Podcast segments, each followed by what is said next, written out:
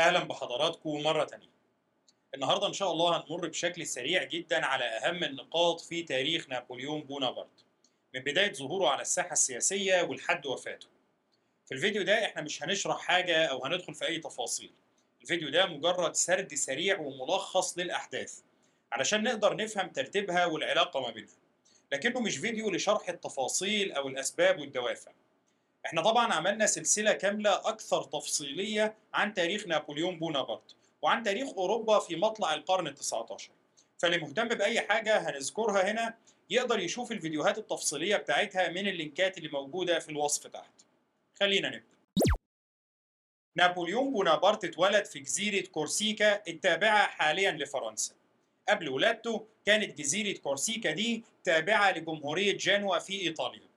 ولكن التبعية دي كانت تعتبر تبعية اسمية فقط لأن الجزيرة من الناحية الفعلية كانت عملت ثورة ضد حكم جنوة وقدرت تحصل على استقلال فعلي. ولما جنوة يأست من السيطرة عليها اتنازلت عن حقوقها في الجزيرة لفرنسا. وفي نفس سنة ولادة نابليون اللي هي سنة 1769 فرنسا قدرت تسيطر على الجزيرة بالقوة وتضمها لأراضيها أسرة نابليون كانت في الأساس أسرة بتنتمي لطبقة النبلاء الإيطاليين. نبلاء مستواهم المادي مش عالي قوي ولكنهم أسرة نبيلة بالرغم من كل شيء. وأبوه كان من كبار المدافعين عن استقلال كورسيكا. لكن بعد ضمها لفرنسا بالقوة أبوه غير موقفه وخضع للحكم الفرنسي وبالتالي تم اعتبارهم من نبلاء فرنسا.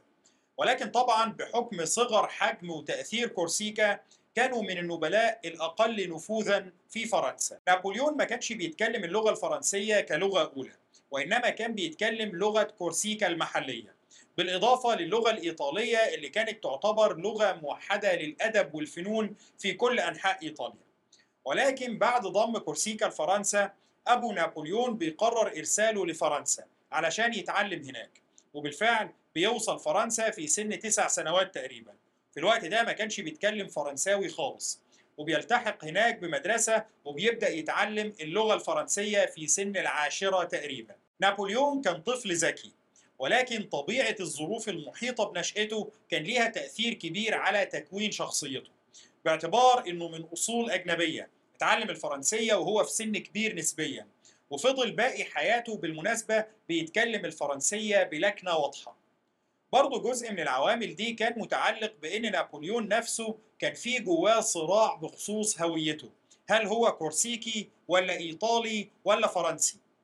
ولكن على أي حال ذكاء نابليون بيساعده في التفوق في دراسته ولما بيوصل سن 15 سنة بيلتحق بمدرسة المدفعية اللي كان المفترض يدرس فيها لمدة سنتين علشان يتخرج بعد كده ويخدم كظابط مدفعية في الجيش الفرنسي.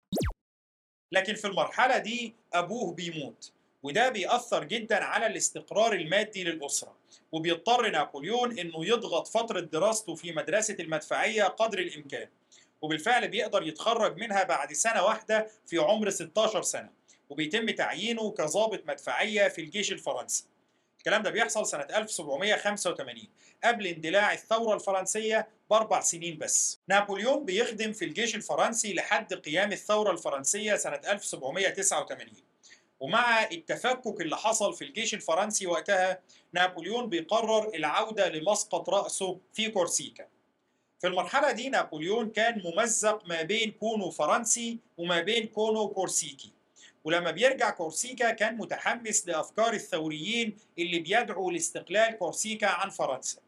وحاول إن هو يندمج في صفوف الثوريين دول.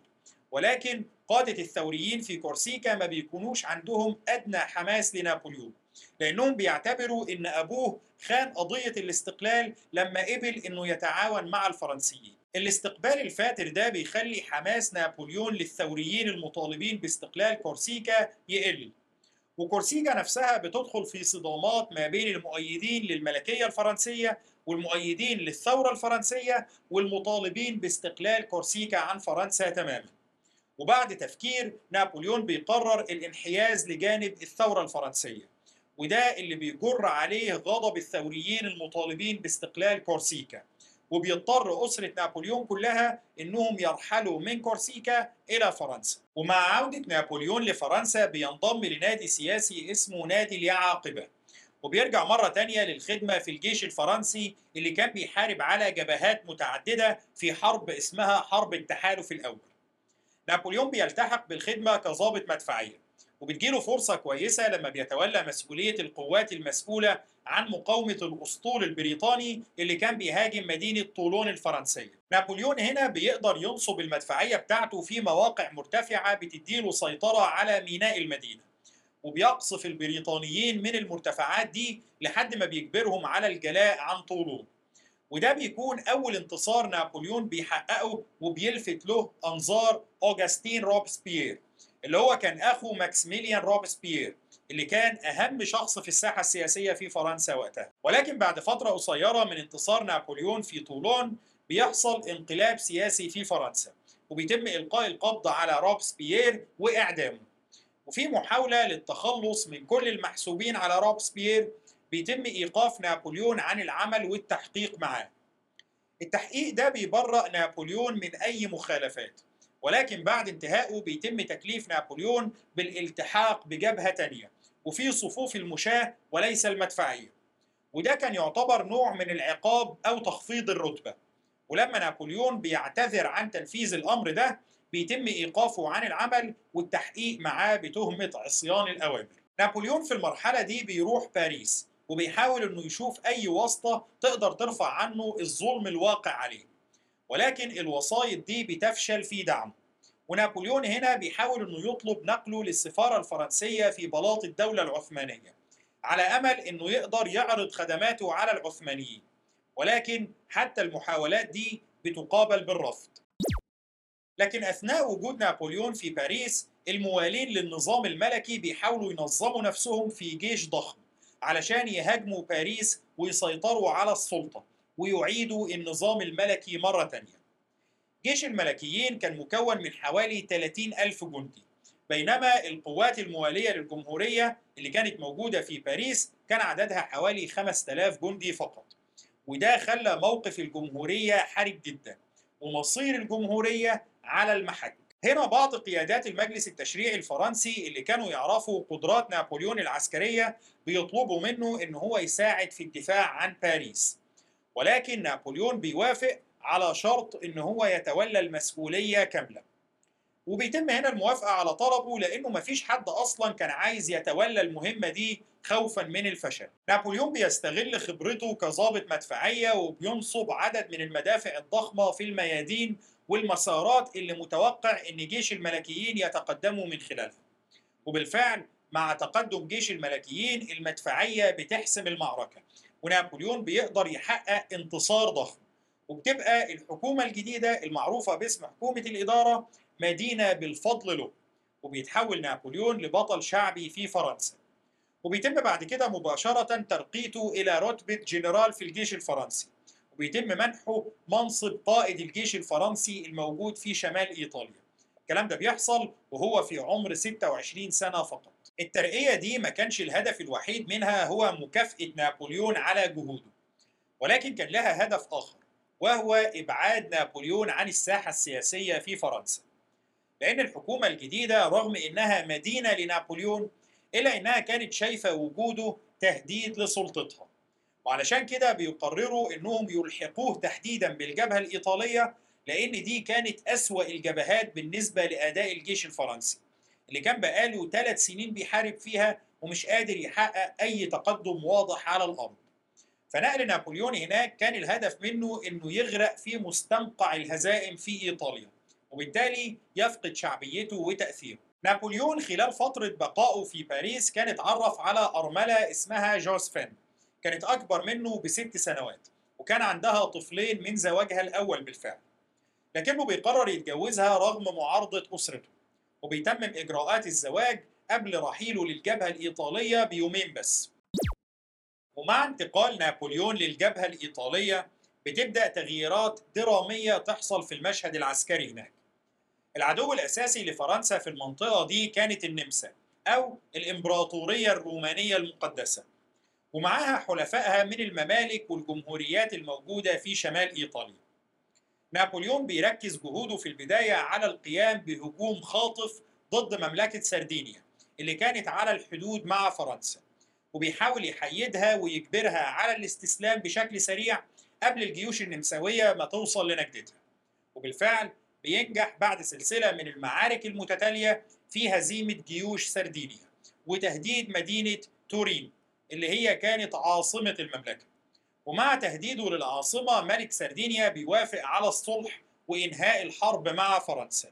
وبيتنازل لفرنسا عن دوقية سافوي ومدينة نيس. اللي هي لا تزال حاليا جزء من فرنسا. المعجزة العسكرية هنا كانت إن نابليون نجح في هزيمة سردينيا خلال ثلاث أسابيع فقط. في حين أن الجيوش الفرنسية المتعاقبة على مدار ثلاث سنوات فشلت في تحقيق نفس المهمة. بعد سقوط سردينيا بقى الطريق مفتوح أمام نابليون لاجتياح الشمال الإيطالي. وهنا حكومة الإدارة كانت عايزاه يتوجه بقواته لوسط إيطاليا علشان يهاجم الولايات البابوية في وسط إيطاليا. ولكنه بيتجاهل نصيحتهم اللي كانت مدفوعة بالرغبة في تحقيق انتصار سياسي وبيقرر إن هو يوجه القوات بتاعته للهجوم على القوات النمساوية مباشرة. باعتبار إن هم دول التهديد العسكري الحقيقي اللي هو بيواجهه. منطقة الوسط في الشمال الإيطالي كان موجود فيها عدد كبير من الدوقيات والإمارات الصغيرة واللي كلها كانت خاضعة للنفوذ النمساوي وأغلبها كان موجود فيها جنود نمساويين بالفعل.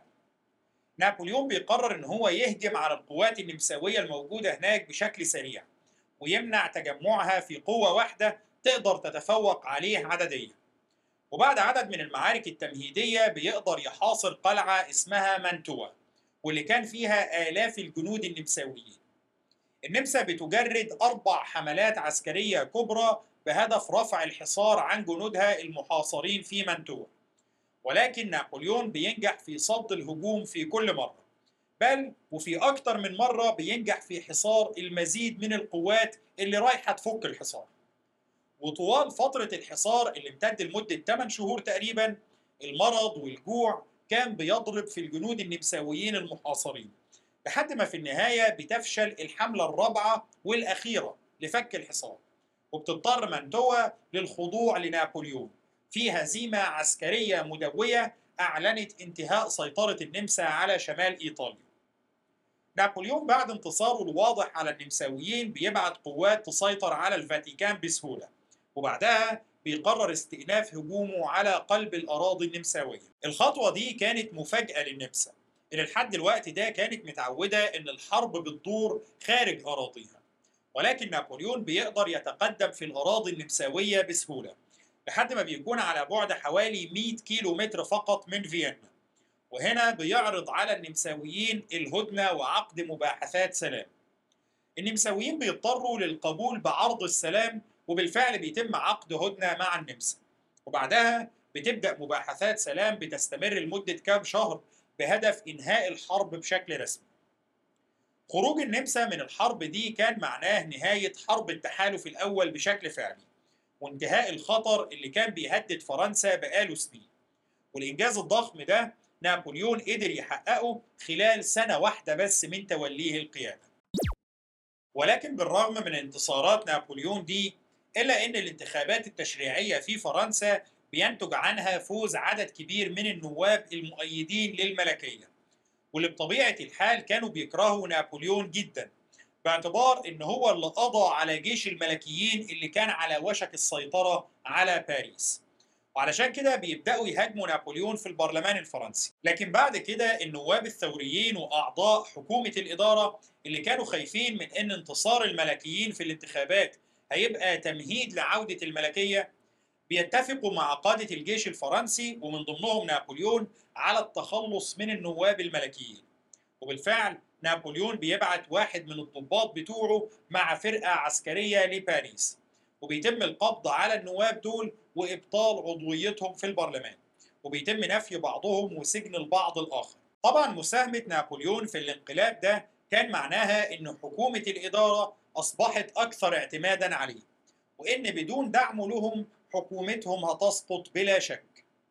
وبعد عقد معاهدة السلام مع النمسا نابليون بيعود لفرنسا وهناك بيتم استقباله استقبال الفاتحين. بعد خروج النمسا من الحرب بتنتهي حرب التحالف الأول ولكن ما بتنتهيش الحروب ضد فرنسا لأن كان في دولة لا تزال في حالة حرب ضد فرنسا حتى لو كل حلفائها خرجوا من الحرب.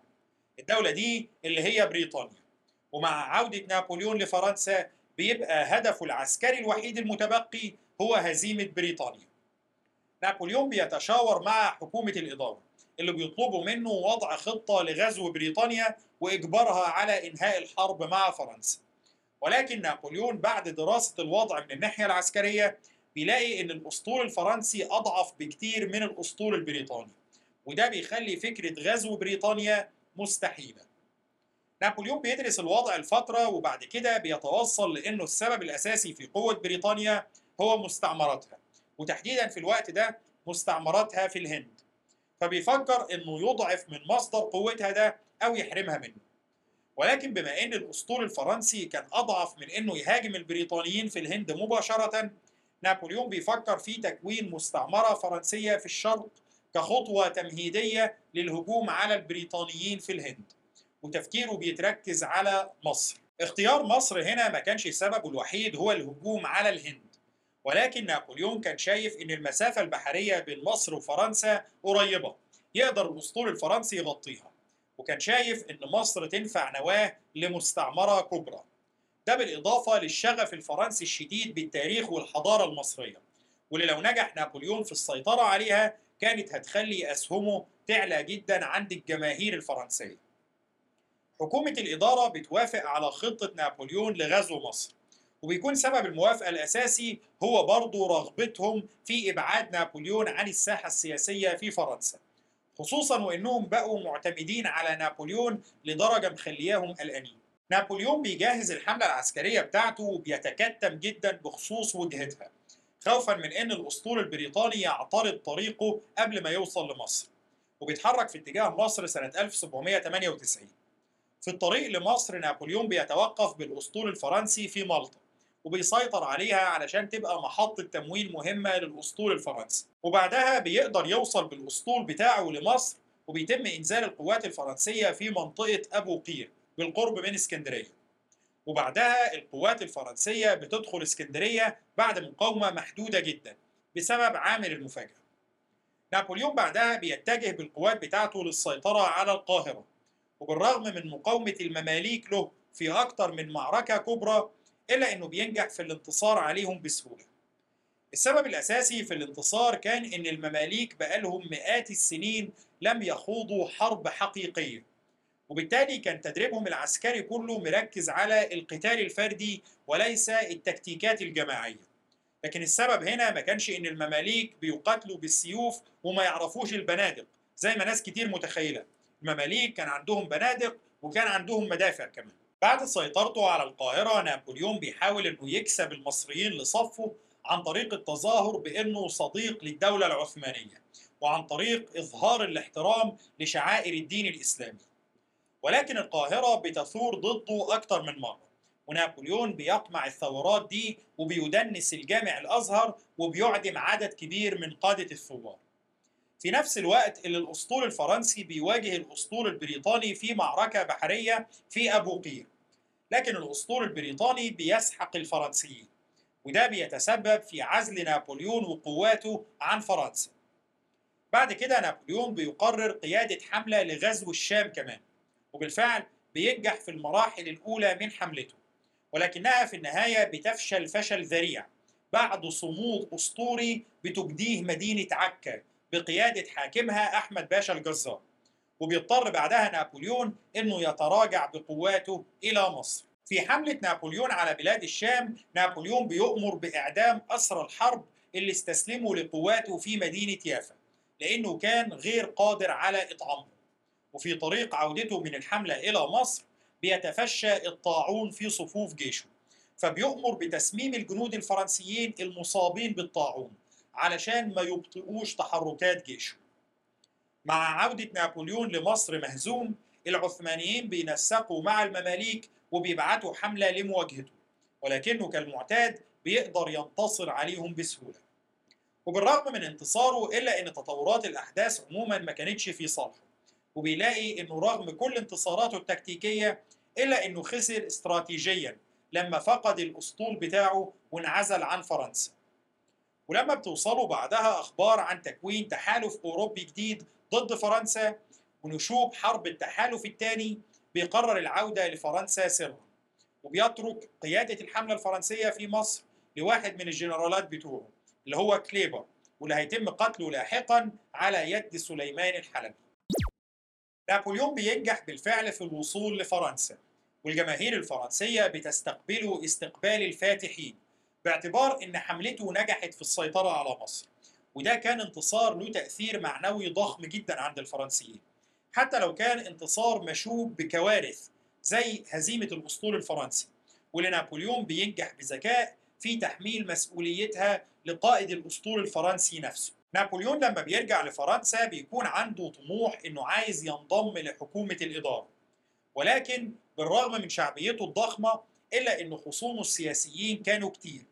وكانوا بيشملوا الملكيين اللي هو دمر محاولتهم للاستيلاء على الحكم سابقا وبيشملوا كمان الثوريين المتطرفين اللي كان الممثلين بتوعهم فازوا بأغلبية في آخر انتخابات تشريعية وكانوا طامعين في السيطرة على السلطة بشكل كامل ومنفرد. واللي ما كانوش بيثقوا في نابليون باعتبار إن أسرته أصلا كانت من طبقة النبلاء. ومع إحباط طموح نابليون في الانضمام لحكومة الإدارة بيظهر هنا سياسي فرنسي اسمه سييز واللي كان هو نفسه عضو في حكومة الإدارة واللي كان خايف من رغبة الثوريين المتطرفين في السيطرة على الحكومة. سييز بيقرر إنه يرتب مع نابليون إنهم يعملوا انقلاب يشيلوا بيه الحكومة دي ويشيلوا بيه المجلس التشريعي الموجود وقتها واللي كان أغلب أعضائه بقوا من الثوريين المتطرفين ويجيبوا حكومة جديدة قوية. سييز كان بيعمل الترتيبات دي على أساس إن السلطة هتكون مركزة في إيده هو نفسه. كان عايز يستغل نابليون لتحقيق أهدافه.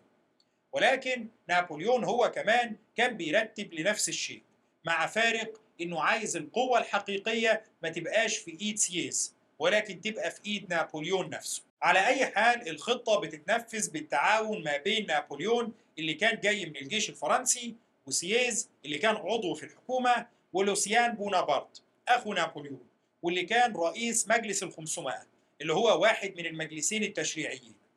وبالفعل الخطة بتنجح سنة 1799 وبيتم حل حكومة الإدارة والمجالس التشريعية وتكوين حكومة جديدة اسمها حكومة القناصل اللي بتتكون من ثلاث أشخاص بيكون منهم نابليون نفسه وسييز. ومع تشكيل النظام الجديد نابليون بينجح في الاستئثار بمنصب القنصل الأول. وده اللي بيكون منصبه محتفظ بأغلب الصلاحيات التنفيذية. في حين إن الاثنين قناصل الباقيين بيكون دورهم أقرب للمناصب الاستشارية من كونهم أصحاب سلطة حقيقيين. مع تولي نابليون للمنصب بيركز جهوده على إنهاء حالة الحرب اللي كانت بتستنزف فرنسا اللي هي حرب التحالف الثاني وبالفعل بينجح في إنهاء الحرب مع بعض الدول بشكل دبلوماسي. وبيقود بعدها حملة عسكرية ضد النمسا على الجبهة الإيطالية اللي كان هزمهم فيها في حرب التحالف الأول. وبيقدر يحقق انتصارات ضدهم في الجبهة الإيطالية برضه ولكنها ما بتكونش كافية لإنهاء الحرب. ولكن بعد كده القوات الفرنسية بتقدر تنتصر على النمساويين في ألمانيا والنمسا بعدها بتضطر إنها تعقد صلح مع فرنسا وبتخرج من حرب التحالف الثاني. بعد كده نابليون بيعقد مباحثات سلام مع بريطانيا واللي كان بقالها عشر سنين بتحارب فرنسا وبينجح الطرفين في التوصل لاتفاق اسمه معاهدة إميان الاتفاق ده بيتم توقيعه سنة 1802 وبكده بتنتهي حالة الحرب ما بين البلدين. وفرنسا بتنعم بالسلام لأول مرة من بداية قيام الثورة الفرنسية. في نفس السنة دي نابليون بيعمل تعديل للدستور الفرنسي. وبموجب التعديل ده الفرنسيين بيوافقوا على إن نابليون هيتم تثبيته في منصبه كقنصل أول مدى الحياة. ده معناه إن نابليون بقى تقريبا ملك لفرنسا. الفارق الوحيد في التوقيت ده هو إن المنصب بتاعه كان لا يورث. خلال الفترة اللي تلت تولي نابليون منصب القنصل الأول بيشتغل على إعادة ترتيب الأوضاع في فرنسا داخليا وبيقر مسودة قانون مدني جديد لفرنسا واللي كان محاولة جيدة لدرجة أن القانون المدني الفرنسي الحالي يعتبر مجرد تعديل للقانون اللي أقره نابليون. نابليون برضو كان نجح في استعادة مستعمرة لويزيانا الفرنسية من أسبانيا. المستعمرة دي فرنسا كانت اتنازلت عنها لأسبانيا بعد حرب السنوات السبع. وبعدها نابليون قدر يستعيدها من أسبانيا سنة 1800 العلاقات بين بريطانيا وفرنسا بتتوتر سريعا بعد إقرار السلام ما بينهم. وبعد سنة واحدة تقريبا من معاهدة إميان بريطانيا بتعلن الحرب على فرنسا مرة تانية. فنابليون بيبدأ يركز جهوده على محاولة غزو بريطانيا. المحاولة دي اللي كانت هتحتاج تمويل ضخم جدا. فنابليون بيقرر إنه يبيع لويزيانا الفرنسية للولايات المتحدة الأمريكية مقابل مبلغ 15 مليون دولار اللي هو هيستخدمهم لتكوين جيش فرنسي ضخم وقوي بهدف الاستعداد لغزو بريطانيا. سنة 1804 الشرطة الفرنسية بتكشف عن محاولات لاغتيال نابليون المحاولات دي المفترض إن اللي كان بيمولها كانوا من أسرة البوربون اللي وجود نابليون في السلطة كان بيضعف آمالهم في استعادة عرش فرنسا. ولكن نابليون كرد فعل على المحاولة دي بيؤمر باختطاف وإعدام نبيل فرنسي اسمه دوق أونغهام واللي كان مقيم خارج فرنسا. دول أوروبا طبعا بيستفزها جدا اختطاف نبيل من خارج الأراضي الفرنسية. وده بيساهم في إن دول كتير تبدأ ترتب مع بريطانيا لبناء تحالف جديد ضد فرنسا اللي هو هيبقى التحالف الثالث. لكن نابليون برضه بيستغل محاولات الاغتيال دي سياسيا وبيقول للفرنسيين إن السبب الأساسي في تكرار محاولات الاغتيال ضده هو إن أسرة البوربون عارفين إن مقتله هيبقى معناه إن فرنسا هتسقط في الفوضى مرة تانية.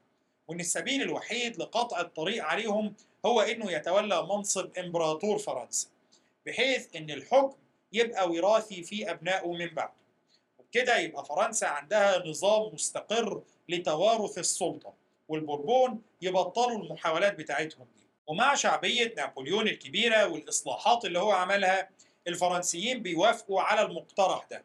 ونابليون بيتوج نفسه إمبراطور على فرنسا سنة 1804 وبيتوج زوجته جوزفين إمبراطورة على فرنسا. ومع تتويج نابليون كإمبراطور بيزيد قلق أوروبا منه وبالفعل بتبدأ باقي دول أوروبا تنسق مع بريطانيا لشن حرب جديدة على فرنسا. وبطبيعة الحال كان أهم حليفين لبريطانيا في الحرب دي هم حلفائها في الحرب السابقة اللي هم روسيا والنمسا. التحالف ده بيكتمل سنة 1805 وبتشتعل حرب التحالف الثالث في أوروبا. بس الفكرة إن نابليون في الوقت ده كان بقاله سنتين تقريبا بيدرب القوات بتاعته بهدف غزو بريطانيا. فلما بتحصل حرب التحالف الثالث نابليون كان عنده جيش ضخم جدا ومدرب بشكل ممتاز وجاهز للقتال. أي نعم الجيش ده كان لا يزال غير قادر على غزو بريطانيا بسبب تفوق الأسطول البريطاني. إنما في الوقت نفسه ده كان أفضل جيش بري في أوروبا في المرحلة دي بلا منازع. وعلشان كده نابليون بيقدر يتحرك ضد خصومه بمنتهى السرعة. نابليون بيقود القوات بتاعته في حملة سريعة ضد القوات النمساوية اسمها حملة أول الهدف من الحملة دي كان تطويق وعزل القوات النمساوية قبل ما توصل القوات الروسية وتنضم لها. وبالفعل بينجح في هدفه وبيأسر 60 ألف جندي نمساوي. طبعا دي كانت ضربة قوية للدفاعات النمساوية. وعلشان كده بيقدر بعدها إنه يحتل فيينا نفسها ولكن بالرغم من سيطرته على فيينا إلا إن الإمبراطور النمساوي بيقرر عدم الاستسلام وبيجمع قواته وبينضم بيها للقوات الروسية. نابليون بيشتبك مع القوات النمساوية الروسية المشتركة في معركة ضخمة اسمها معركة اوسترليتس ودي اللي بتحصل في شهر ديسمبر سنة 1805 المعركة دي اللي تعتبر أقوى انتصار عسكري لنابليون في مسيرته كلها واللي قدر فيها إنه يهزم قوات النمسا وروسيا مجتمعين. بعد انتصار نابليون في اوسترليتس النمسا بتضطر لتوقيع هدنة معاه. وخلال السنة اللي بعدها اللي هي سنة 1806 بيتم إلغاء منصب ولقب إمبراطور الإمبراطورية الرومانية المقدسة واللي كان بيحمله حاكم النمسا. وبيحمل حاكم النمسا بعدها لقب إمبراطور النمسا فقط. ده طبعا بيكون ايذانا بانحسار النفوذ النمساوي الضخم جدا من أوروبا واللي بيحل محله فورا النفوذ الفرنسي المتصاعد. أما بالنسبة لروسيا فالقوات بتاعتها بتنسحب. لكنها ما بتوقعش اتفاقيات سلام مع نابليون. وبالتالي بتستمر من الناحية الرسمية حالة الحرب ما بين فرنسا وما بين روسيا. وفي محاولة من نابليون لاستغلال النفوذ الفرنسي المتصاعد في وسط أوروبا نابليون بيكون اتحاد للدول الألمانية برعايته وبيسميه اتحاد الرين. وبيبدأ في إعادة تشكيل الخريطة السياسية لأوروبا عن طريق تكوين مملكة جديدة في هولندا بيمنح عرشها لأخوه لويس بونابرت. التغييرات اللي نابليون بيعملها في ألمانيا بتثير غضب أقوى دولة في ألمانيا في الوقت ده اللي هي دولة بروسيا واللي بتشوف إن الخطوات دي تهديد وجودي لها. وعلشان كده بتقرر إنها تتحدى نابليون. وبتعقد اتفاق مع الروس اللي كانوا لسه في حالة حرب رسميا مع فرنسا. الكلام ده بيحصل سنة 1806 اللي هو بمجرد انتهاء حرب التحالف الثالث والتحالف الروسي البروسي الجديد بيبقى هو بداية حرب التحالف الرابع. ولكن نابليون اللي كان في قمة انتصاراته بيقرر سحق خصومه مباشرة وبيقتحم أراضي بروسيا وبيهزمهم بشكل سريع مع بداية الحرب. بعدها نابليون بيقرر استكمال حربه وبيخترق مناطق نفوذ الروس في بولندا وبيحاربهم هناك وبتحصل ما بينهم معارك غير حاسمة في البداية. لحد ما نابليون بيقدر يحقق انتصار واضح في معركة اسمها معركة فريدلاند. بتحصل سنة 1807 واللي بيقتنع الروس بعدها إنهم لازم يعقدوا سلام مع نابليون. وبالفعل بتحصل مفاوضات مباشرة ما بين نابليون وما بين القيصر الروسي. بتنتهي بعقد اتفاقات سلام اسمها معاهدات تلست بتشمل الروس والبروسيين مع فرنسا. وبتنتهي بناء عليها حرب التحالف الرابع. في الاتفاقات دي نابليون بيكون كريم جدا مع الروس لأن بيحصل إعجاب متبادل ما بينه وما بين القيصر الروسي ونابليون بيشوف الروس كحليف لكنه بيكون قاسي جدا في فرض شروطه على البروسيين وبيقتطع نص مساحة بروسيا ومن خلال التغييرات اللي بيعملها في الخريطة بيكون مملكة صغيرة جدا في قلب الأراضي الألمانية اسمها مملكة وستفاليا وبيمنح حكمها لأخوه الثاني جيروم بونابرت. نابليون في المرحلة دي بيكون باقي له عدو واحد مهم اللي هو بريطانيا. ولكن بسبب التفوق البحري البريطاني نابليون كان غير قادر على غزوها. فبيقرر إنه يحاربها اقتصاديا عن طريق إنه يفرض مقاطعة اقتصادية عليها في كل دول أوروبا لحد ما تجارتها واقتصادها ينهاروا. وعلشان كده بيعلن سياسة اسمها سياسة الحصار القاري. وبيجبر باقي دول أوروبا على الانضمام لها. البرتغال اللي كانت أقدم حليف لبريطانيا في أوروبا بترفض الانضمام لسياسة الحصار القاري. فنابليون بينسق مع أسبانيا وبيبعت جيوشه علشان تجتاح البرتغال. ولكن مع تزايد علاقات نابليون بأسبانيا بيلاحظ إن في مشكلة في أسبانيا ما بين الملك وولي العهد وإن في خلاف كبير ما بين الأسبان على مبدأ التعاون مع الفرنسيين. فنابليون بيستغل الخلاف ده وبيبعت قواته لأسبانيا سنة 1808 وبيجبر الملك وولي العهد على التنازل عن العرش الأسباني. وبيعلن تنصيب أخوه جوزيف بونابرت ملك على أسبانيا. أما زوج أخته يواكيم مورا فبيتم تنصيبه ملك على نابولي. وبكده نابليون بيكون وزع كل قرايبه على عروش أوروبا. ولكن الشعب الأسباني ما بيتقبلش فكرة وجود ملك أجنبي على عرش بلده. وبتحصل حرب استنزاف طويلة ومنهكة جدا ضد الفرنسيين في أسبانيا. في السنة اللي بعدها اللي هي سنة 1809 النمسا بتقرر خوض الحرب مرة تانية ضد نابليون.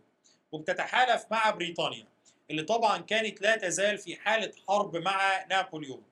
علشان كده الحرب دي بتعرف باسم حرب التحالف الخامس. القرار كان متسرع شوية من الجانب النمساوي ولكن النمسا كانت بتحاول تستعيد بعض الكرامة المهدرة على يد نابليون خلال السنين اللي فاتت. والهجوم النمساوي كان مفاجئ لدرجة إن نابليون اتصدم لما عرف بيه. لكنه على أي حال بينتقل للجبهة بيخوض معارك متعددة ضد النمساويين واللي بيضطروا تحت وطأة الهجوم الفرنسي إنهم ينسحبوا. ونابليون بيقدر يدخل فيينا مرة تانية.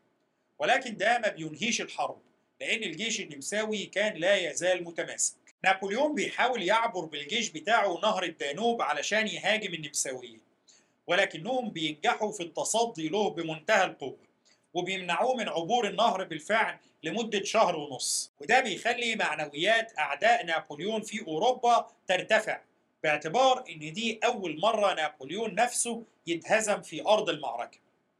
كان فعلا واضح إن أداء الجيش النمساوي بيتطور ولكن نابليون بينجح في النهاية في عبور النهر وفي هزيمة النمساويين هزيمة قوية وبيضطرهم لطلب الهدنة وتوقيع اتفاق سلام. لكن المرة دي نابليون كان قاسي جدا في شروطه على النمسا وبيضطر النمساويين للتنازل عن خمس مساحة الأراضي الخاضعة لهم وعن 3 مليون فرد من رعاياه وبتنتهي حرب التحالف الخامس برضه بانتصار نابليون.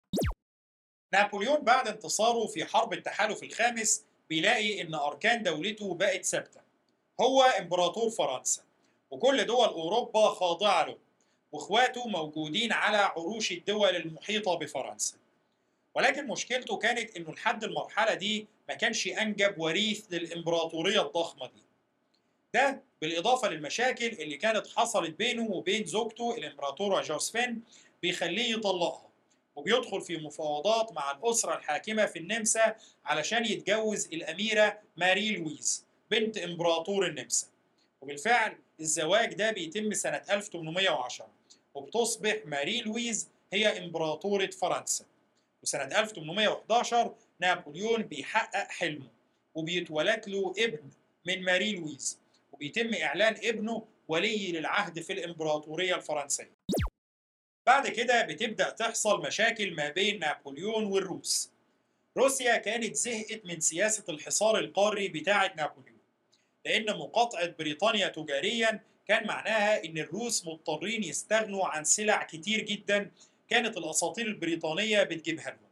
فالروس بيقرروا ببساطة تجاهل سياسة الحصار القاري وبيرجعوا يتاجروا مع بريطانيا. نابليون هنا بيقرر سنة 1812 إنه يجهز حملة ضخمة للهجوم على روسيا وإخضاعها زي باقي دول أوروبا. وبالفعل بيحشد جيش عملاق مكون من حوالي 650 ألف جندي وبيتجه بيه للأراضي الروسية. نابليون بيبدأ حملته في عز الصيف في شهر يونيو باعتبار إنه هينهي الحملة دي خلال شهرين ثلاثة زي باقي الحروب ويقدر يرجع فرنسا قبل بداية الشتاء. والروس كانوا عارفين كويس إنهم غير قادرين على التصدي لحملة بالحجم ده. وعلشان كده بيلجأوا لسياسة الأرض المحروقة. قيصر روسيا بيكلف جنرال اسمه كوتوزوف بقيادة الجيش الروسي. واللي كوتوزوف بيعمله هو إنه بيخلي الروس ببساطة ينسحبوا من كل المدن اللي نابليون بيتجه ليها قبل ما يوصلها ويتجنبوا تماما الاشتباك معاه ويحرقوا كل المحاصيل والمؤن اللي هو ممكن يستفيد بيها لجيشه. وبالتالي الجيش الفرنسي كان بيتقدم باستمرار في عمق الأراضي الروسية مع إمدادات محدودة وبتتناقص طوال الوقت. نابليون هنا كان شايف إن كل ده مش مشكلة لأنه بمجرد ما يدخل موسكو الروس هيضطروا إنهم يستسلموا. وبالفعل بيكمل تقدمه في اتجاه موسكو. وطوال الطريق كان بيسيب حاميات فرنسية تؤمن المناطق اللي هو مر منها علشان الروس ما يلتفوش حوله ويحاصروه. لكن ده معناه إن عدد قواته كان بيتناقص تدريجيا. الفرنسيين بيوصلوا على مشارف موسكو وهناك كوتوزوف بيقرر خوض معركة أخيرة ضد نابليون اللي هي معركة بورودينو واللي بتكون معركة دموية جدا بالنسبة للطرفين. ولكن بعد نهاية المعركة الروس بينسحبوا.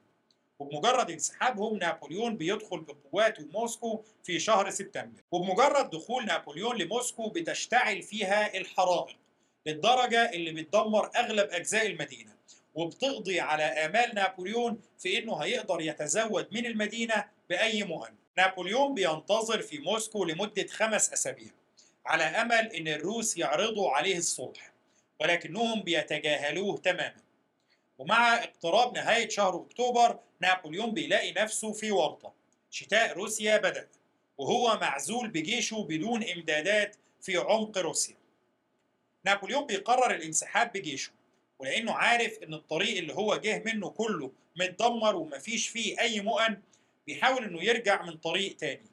ولكن هنا بيجي دور الروس اللي كانوا منتظرين في كل خطوة للهجوم على نابليون. ومع تقهقر الجيش الفرنسي في طريق العودة الهجوم الروسي بيصبح أكثر عنفا وفاعلية والمؤن بتصبح أكثر ندرة في النهاية نابليون بينجح في الهروب من الحدود الروسية ولكن بثمن فادح وهو القضاء على الجيش الفرنسي تقريبا. من أصل 650 ألف جندي دخل بيهم نابليون لروسيا خرج منها معاه حوالي 110 ألاف جندي فقط. الباقيين في منهم حوالي 100 ألف ماتوا في القتال و200 ألف ماتوا من الجوع والبرد وحوالي 100 أو 150 ألف اتخذوا أسرى من الروس أما الباقي فهربوا من الخدمة العسكرية. مع انتشار أخبار الهزيمة الكارثية اللي تعرضت لها الجيوش الفرنسية في روسيا بتبدأ كل دول أوروبا في الاستعداد للهجوم على فرنسا مرة تانية. نابليون نفسه بيحاول يدعم موقفه بأنه يستدعي قواته اللي كانت موجودة في أماكن زي أسبانيا. ولكن ده طبعا بيضعف موقفه في أسبانيا جدا وبيسمح للأسبان أنهم يستعيدوا السيطرة على بلدهم. وده بيخلي موقف نابليون أضعف وأضعف وبيخلي دول أوروبا تطمع فيه أكتر. المشكلة هنا كانت إنه أغلب الجنود اللي هو بيستدعيهم كانوا جنود خبرتهم قليلة لأن الجنود اللي كان عندهم خبرة قتالية كبيرة واللي هو حارب بيهم على مدار عشر سنين كانوا هم نفس الجنود اللي راحوا معاه روسيا. طبعا الجيش الفرنسي كان بيواجه كارثة تانية هنا وهي فقدان الخيول اللي راحت معاهم لروسيا بسبب الجوع والبرد. وبالتالي حتى مع تجميع نابليون لقوات جديدة بيتحول الجيش الفرنسي لجيش من المشاة. هنا النمسا وروسيا وبروسيا وأسبانيا وبريطانيا والسويد والبرتغال كل الدول دي بتكون تحالف جديد ضد نابليون. اللي هو التحالف السادس وبيبدأوا حربهم ضده. التحالف السادس كان بيضم ضمن القادة بتوعه واحد من القادة القدامى اللي خدموا تحت قيادة نابليون اللي هو برنادوت واللي بيساعدهم في رسم استراتيجية جديدة للقتال ضد نابليون. الاستراتيجية دي ببساطة كانت إنهم ينهكوا نابليون في معارك صغيرة كتير لكنها غير حاسمة لحد ما نابليون يضعف للدرجة اللي تخليهم يقدروا يهاجموه هجوم واحد مركز ويسقطوه وده بالفعل اللي بيحصل. وفي النهاية بتحصل معركة حاسمة اسمها معركة لايبتسيك سنة 1813 ودي كانت أضخم معركة حصلت في أوروبا لحد وقتها. المعركة دي انتهت بهزيمة نابليون وأنهت سيطرة فرنسا على وسط أوروبا. وبقى نابليون يدوب مسيطر على فرنسا نفسها. بعد المعركة دي النمسا بتعرض على نابليون إنه يبقى إمبراطور على فرنسا. في مقابل تقليص نفوذ فرنسا في أوروبا وتنازلها عن بعض الأراضي اللي اكتسبتها بعد الثورة الفرنسية. ولكن نابليون اللي كان لسه متوقع إنه يقدر ينتصر في الحرب بيتجاهل العرض ده. فالحلفاء بيقرروا إنهم بينقلوا المعركة إلى أراضي فرنسا نفسها. وبالفعل قوات الحلفاء بتتقدم للهجوم على فرنسا من ثلاث جبهات. نابليون بيجمع قواته وبيهاجم قوات التحالف السادس في حملة معروفة باسم حملة الأيام الستة وبيقدر بالفعل في الحملة دي يحقق انتصارات عسكرية قوية عليهم. ولكنها بتكون انتصارات بلا فائدة. لأنه مهما عمل فهو كان قادر فقط على إيقاف تقدمهم في جبهة واحدة. بينما باقي قوات الحلفاء بتكمل تقدمها على جبهتين تانيين. في النهاية قوات الحلفاء بتدخل باريس ومجلس الشيوخ الفرنسي بيوافق على عزل نابليون. وفي المقابل قيصر روسيا بيعلن إطلاق سراح أكثر من 100 ألف أسير فرنسي اللي هم كانوا أسرى عنده من وقت حملة نابليون على روسيا. نابليون بيحاول إن هو يزحف على باريس ولكن قادة الجيش بتاعه بيرفضوا وبيجبروه إنه يستسلم. في شهر أبريل سنة 1814 بيستسلم نابليون وبيتم نفيه إلى جزيرة ألبا بالقرب من السواحل الإيطالية. وبيتفق الحلفاء على عودة أسرة البوربون لحكم فرنسا وعلى عودة فرنسا لحدود ما قبل الثورة الفرنسية وعلى إعادة أنظمة الحكم اللي أسقطها نابليون في باقي أنحاء أوروبا. بعد نفي نابليون لإلبا بأقل من سنة بينجح في الهروب منها وفي العودة لفرنسا مرة تانية. ومجرد عودته بتلتف حوله الجماهير الفرنسية وبينجح في جمع جيش ضخم جدا خلال أيام قليلة.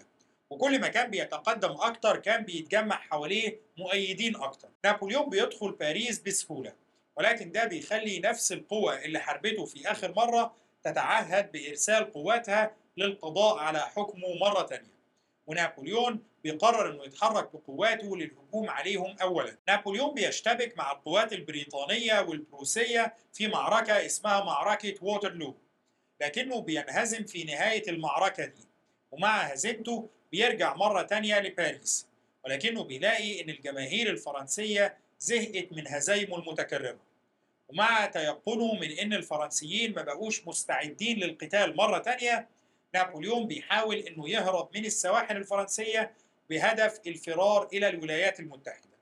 لكن بيتقبض عليه وبتنتهي فترة حكمه الثانية واللي كانت معروفة باسم المئة يوم. والإنجليز بعدها بينفوا نابليون لجزيرة سانت هيلانا في قلب المحيط الأطلنطي بعيدا عن أي وسيلة للفرار.